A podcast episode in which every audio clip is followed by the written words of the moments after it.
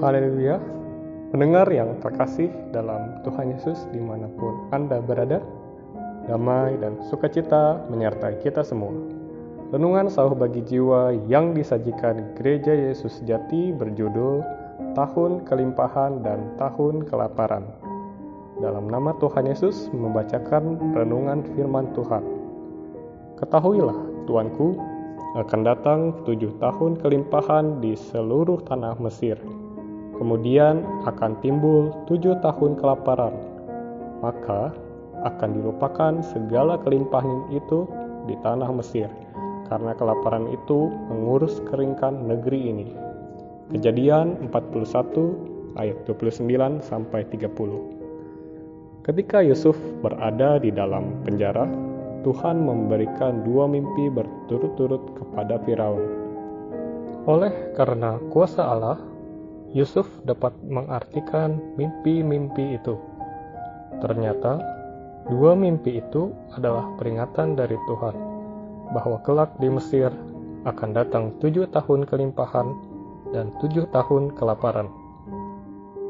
Maka, Yusuf memberikan nasihat kepada Firaun untuk memilih seorang yang berakal budi dan bijaksana, dan mengangkatnya menjadi kuasa atas tanah Mesir dalam ketujuh tahun kelimpahan itu, dipungutlah seperlima dari hasil tanah Mesir, mengumpulkan segala bahan makanan, menimbun gandum di kota-kota, serta menyimpannya. Ketika tujuh tahun kelaparan terjadi, maka persediaan makanan tersebut dapat dibagikan kepada rakyat supaya negeri Mesir jangan binasa karena kelaparan itu. Mimpi Firaun memberikan pemikiran bagi kita di saat ini bahwa kehidupan manusia pasti ada naik turun, ada kelimpahan dan kekurangan, ada kelancaran dan kesukaran. Tuhan tidak akan membiarkan kita terus-menerus berada di masa kelimpahan dan kelancaran, agar kita tidak terlena dan rohani kita binasa. Tuhan juga tidak akan membiarkan kita terus berada dalam kelaparan dan kesukaran, agar kita tidak menderita melampaui kesanggupan kita dan terjatuh. Kehidupan sungguh diimbangi dengan kelancaran dan kesukaran, sukacita dan duka cita. Tetapi di dalam segala sesuatu tentu ada kehendak Tuhan yang indah. Kitab Pengkhotbah berkata, pada hari mujur bergembiralah, tetapi pada hari malang ingatlah bahwa hari malang ini pun jadikan Allah seperti juga hari mujur supaya manusia tidak dapat menemukan sesuatu mengenai masa depannya. Pengkhotbah 7 ayat 14. Di dalam kehidupan manusia ada sukacita, ada duka cita, karena Tuhan menempatkannya secara berdampingan. Ketika menghadapi situasi yang berbeda, maka reaksi hati kita pun berbeda. Dalam menghadapi situasi sukacita, kita banyak bersuka dan banyak memuji dalam menghadapi situasi duka cita, kita banyak merenung dan banyak menyelidiki diri. Bagaimanapun keadaan kita saat ini di dalam semua itu ada kehendak Tuhan yang indah.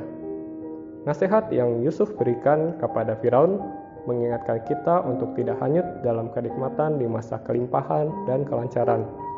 Melainkan kita harus banyak-banyak melakukan persiapan rohani dengan melakukan penyempurnaan rohani agar kita tidak kebingungan ketika datang masa kelaparan dan kesukaran.